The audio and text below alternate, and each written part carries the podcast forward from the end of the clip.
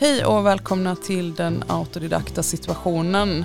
Podden där vi undersöker hur vi kan lära oss själva och varandra att hantera den här situationen som den här pandemin innebär. Den här podden riktar sig till skolvärlden och till folkbildningen i synnerhet. Det här är något som ingen varit med om tidigare och vi går alla runt i den här autodidakta situationen tillsammans. Jag heter Lovisa Appelqvist och med mig har jag Peder Isaksson. Hej Peder. Hej. och eh, idag ska vi prata om hur hjälper man deltagare att hålla motivationen nu när kurserna plötsligt är på distans? Och Peder, du jobbar ju på Berättarpionjärerna. Vi pratade lite om det förra avsnittet. Du kanske bara kan yep. så här kort hisspitcha vad ni gör för de som inte har lyssnat innan. Ja, vi, vi har ju haft kört nu i, i ungefär två år med en uh, onlinekurs i uh, berättande. Ett, uh, att skriva berättelser, oavsett om det är för, för teater eller film eller romaner. Vi har ju kört online hela tiden, så det kan vara relevant. Precis, ni har lite försprång från många av oss andra. Ja som äh, plötsligt denna veckan för ett par dagar sedan fick äh, slå över från det ena till det andra. Äh, och då, dagens fråga är helt enkelt hur hjälper man deltagarna att hålla uppe motivationen? För det känns som någonting vi alla kommer att få slåss och brottas lite med, vi som inte har deltagare som var inställda på att det här skulle vara online. Hur gör ni för att hålla deltagarna igång? Jag ska väl säga, jag ska väl börja med att säga att vi, det är absolut någonting vi, vi redan från början hade problem med. För det är något som, som är problem även om man har det redan eh, från början. Därför att eh, när folk är hemma så finns det onekligen mycket distraktioner.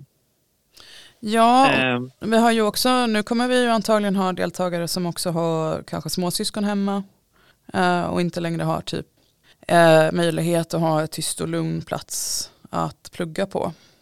Ja, absolut. Så är det ju.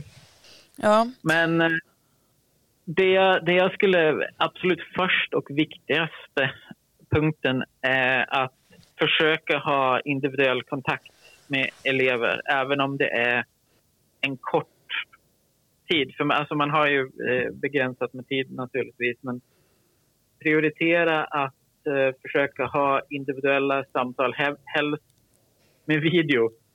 Bara därför att min upplevelse är att det är svårt att plocka upp signaler. Alltså för, det, det, är jobbiga tider för alla. Och det kan vara, det kan vara eh, det, där, det där fem minuter långa samtalet individuellt kan, kan betyda eh, ganska mycket. Mm. Ja, du säger med video och det här med att plocka upp signaler. Där tänker jag att det är nog också kanske en, en sån generationsfråga hos en del, för en del lärare. Att ja. eh, många tänker att eh, telefon är liksom, plocka upp telefonen är det, det, det, stora. Men, det kanske, men, men du tycker video kan vara bättre? Eller? Ja, och det här är, det här är ren erfarenhet. Vi körde med, med telefon eh, när vi började. Mm. Så nu har vi långa möten vi, vi, eftersom att vår kurs är strukturerad väldigt mycket kring handledning. Så vi har en timmes långa mö, möten individuellt, eh, men inte så ofta. Eh, mm. Men min upplevelse är att du kan, du kan eh, visst, om, om du träffar någon fysiskt så, så, så, så, finns det ju väldigt mycket man säger att, att eh, väldigt stor del av vår kommunikation eh, sker med kroppsspråk. Mm. Och du får inte hela kroppsspråket, du får inte allt genom video, men du får betydligt mer eh, än vad du får via telefonen. Och i synnerhet om vi pratar generationsfrågor, om vi pratar om folk som har olika... Du som lärare har antagligen inte exakt samma referensverk som, som dina elever, så mycket saker kommer att gå över ditt huvud om du bara pratar med röst. Mm. Ja. Eh, mycket eh, vår förståelse av hur våra elever mår och eh, vad, de, vad de egentligen menar, vad de egentligen vill. Så mycket, du får så mycket mer information ja. som pedagog. om du faktiskt ser eleven du pratar med. Så jag, jag rekommenderar starkt att faktiskt göra det via video. Ja, jag tänker också själv där att det kan vara det kan också vara viktigt att se varandra bara för den rent sociala delen för de som tidigare haft lektion på plats och nu inte träffas längre. Att bara så här få se sin lärare. För eh, det ska vi ju inte underskatta att man faktiskt betyder någonting för deltagarna i kursen också. Absolut. Eh, och att det betyder att de blir sedda betyder mycket. Men, och det är ju en till poäng mm. med, med, med det här att, att faktiskt ta tid till att göra individuella möten. För du blir, du blir mer närvarande som lärare om du pratar individuellt än, än om du bara har streaming-sessioner eller så. Om du faktiskt pratar direkt med eleven så blir det så otroligt mycket verkligare för den. Precis, och i folkbildningen pratar vi ju mycket om, om mötet och att se människan och så. Och det som eventuellt går, eller det som de facto eller eventuellt går förlorat i, i att inte kunna ha lektioner på plats längre. En del av det går ju att återhämta genom att använda ja, olika konferensverktyg och liknande. Ja. Det är ju... Ja, alltså kunskapsspridningen i sig, alltså att, att förmedla den kunskap du har går ju att göra. Mm. Men det är som vi pratar om, motivationen och, och få, få liksom den personliga kontakten är lite mer tricky. Den är ju det och det är ju det är en så stor del av folkbildningen någonstans, eh, även om det, vi ibland skämtar om det, så är det en stor del av folkbildningen att dricka kaffe eh, i pauserna och eh, sitta med sina deltagare och lyssna och finnas där. Och den, eh, den kaffepausen eller motsvarande eller det här mötet i korridoren, det får vi ju nu återskapa ja. med andra medel helt enkelt. Ja, men det finns en, eh, en den andra stora poängen jag vill göra är, och jag var lite inne på det eh, förra gången vi pratade också, det, det är att du behöver vara lite mer organiserad. Mm. Eh, många saker som tar, man kan ta för givet eller som kommer ganska gratis när, när du har fysiska möten hela tiden, så, som du säger i, i korridoren eller, eller bara liksom stunder i klassrummet. Eh, de sakerna måste du återskapa och för att kunna göra det bra så måste du verkligen tänka på det och faktiskt vara mer organiserad. Mm. Där ska jag eh, hoppa in i min andra roll lite kort. Eh, jag undervisar också och eh, ja. leder speldesignutbildningen på Skurup och Fridhems gemensamma enhet i Malmö. Och vi har ju chatt som en av våra huvudkommunikationsverktyg med våra deltagare.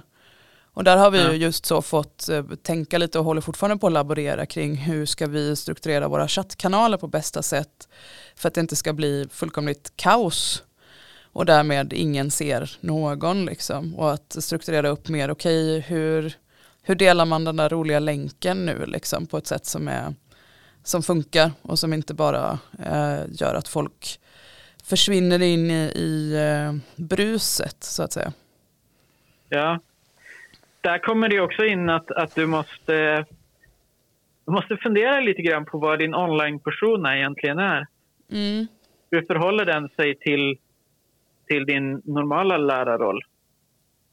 Att hitta den här balansen mellan det personliga och det pedagogiska, personliga och det professionella. Ja, precis, för det är ju också man ska, man kanske som vi då som har text som främsta kommunikationsmedel, text är väl fel, men eh, chatt som format så kan man ju få en mer personlig ton där och det kan vara av godo för att det är lättare att knyta an ja. och liksom nå fram till varandra i det för många. Men det kan ju också bli av ondo i att man tappar lite sin eh, Alltså man tappar sin roll så att kanske deltagarna inte känner att de kan riktigt eh, lita på en som, som arketyp eller vad man ska säga. Där finns det också något ja. som kan bli krångligt, minst sagt. Alltså oavsett vad man tycker om begreppet så är alltså, auktoritet är ändå viktigt. Ja. Du behöver Precis. ändå en viss grad av auktoritet och jag vet, jag vet, att det var någonting vi kämpade med tidigt i, i vår utbildning, att, att det är väldigt lätt när man använder sociala medier som sitt huvudsakliga kommunikationschatt och, och sådana, ja men typ, eh, när man använder sociala medier eh, som sitt, sitt huvudsakliga kommunikationsverktyg så är det ganska lätt att bli för personlig. Mm. Alltså det är klart att det är lätt att man skulle, det, det, kan vara ganska lätt att gå åt andra hållet också och bli någon slags, jag vet inte, bara skriva officiella saker. Ja, precis. Och det är inte bra heller. Men, men jag vet att för oss så var det mest problem att man blev lite för personlig. Mm. Det, är lätt, det, är liksom, det är så lätt att det, det rinner iväg. Ja, precis. Alltså, när, när, du, när du är framför en klass i den situationen så kommer den, den här auktoriteten känns naturlig för de flesta lärare. Alltså vilken grad av det. Ja. Vi, vi, som lärare kom, ha, har liksom hittat, de flesta av oss under... Ja, vi, vi, vi hittar vår nivå genom att jobba helt enkelt. Men det är, det är en annan situation online. Så, så att tänka över den situationen är absolut... Tänka över den rollen är någonting jag rekommenderar. Ändå. Ja, man kan ta eh, som exempel där, eh, igår satt jag i ett möte som var ett ganska allvarsamt möte och insåg halvvägs igenom att jag hade en strykbräda lutad mot väggen i bakgrunden. Ja. Och eh, kände någonstans, oj oj oj, nu blev det personligt. Men det är faktiskt inga problem att det står en strykbräda i, i bakgrunden. För det är inte för personligt, för en strykbräda har vi alla hemma. Men om jag däremot hade hållit mötet eh, iförd eh, teddybjörns hatt så kanske jag hade tappat eh, lite auktoritet på det. Förutsatt att ja. jag inte alltid har på mig det på jobbet då såklart. Mm. Eh, men ja, nej men alltså upprätthålla sin, eh, sin roll för deltagarnas skull. För att de ska kunna känna att mm. de kan lita på en och att eh, att man faktiskt finns där även när det inte pågår lektion. För det är ju lite det som är kruxet här, att här har vi plötsligt ganska kort kontakt med deltagarna. Och kanske inte så i början heller att man klarar att sitta fyra timmar utan det kanske är att man spelar in en halvtimme eller har en diskussion, alltså ganska kort lektionsmaterial. Uh, och sen ska de liksom komma ihåg att man existerar för egen maskin. Ja och där, det är faktiskt, om vi prata om en sak som vi eh, kämpar med att bli bättre på hela tiden och som, som jag eh, erkänner är väldigt svårt för att jag vet att jag är inte så bra på det men jag vet att det är viktigt och det är att hela tiden posta. Alltså vara närvarande. Ja. Eh, även om det är små saker försöka, eh, försöka faktiskt se till att det kommer att det händer saker på de eh, plattformar där eleverna finns. Ja, ja precis. Det, äh, man kan ju starta en, om det, man till exempel har chattkanaler och möjlighet att ha flera stycken så kan man ju starta någonstans där man kan börja lägga mm, upp lite extra material som är relaterat till kursen men inte nödvändigt för att liksom hålla ja. det vid liv eller att man gör en liten hur mår alla runda på morgonen. Alltså ja. Alltså lite så extra små grejer bara för att visa att uh, jag har inte glömt bort att ni finns. Uh, ja, nu, ja det, det, fick mig faktiskt att tänka på ett specifikt tips som inte tyvärr inte är från Berättarpionjärerna utan från uh, en kurs som min sambo går. De har börjat ha morgonmöten med, med voice chat. Mm, ja. Vilket jag tycker är... Nu, nu, har de så att de är uppdelade, eleverna uppdelade i grupper så varje grupp har, har ett eh, schemalagt morgonmöte klockan nio varje morgon. Mm. Och det är någonting jag rekommenderar starkt. För det får en verkligen att känna att, att man är på skolan, att man är, även om man är hemma så är man i en kontext.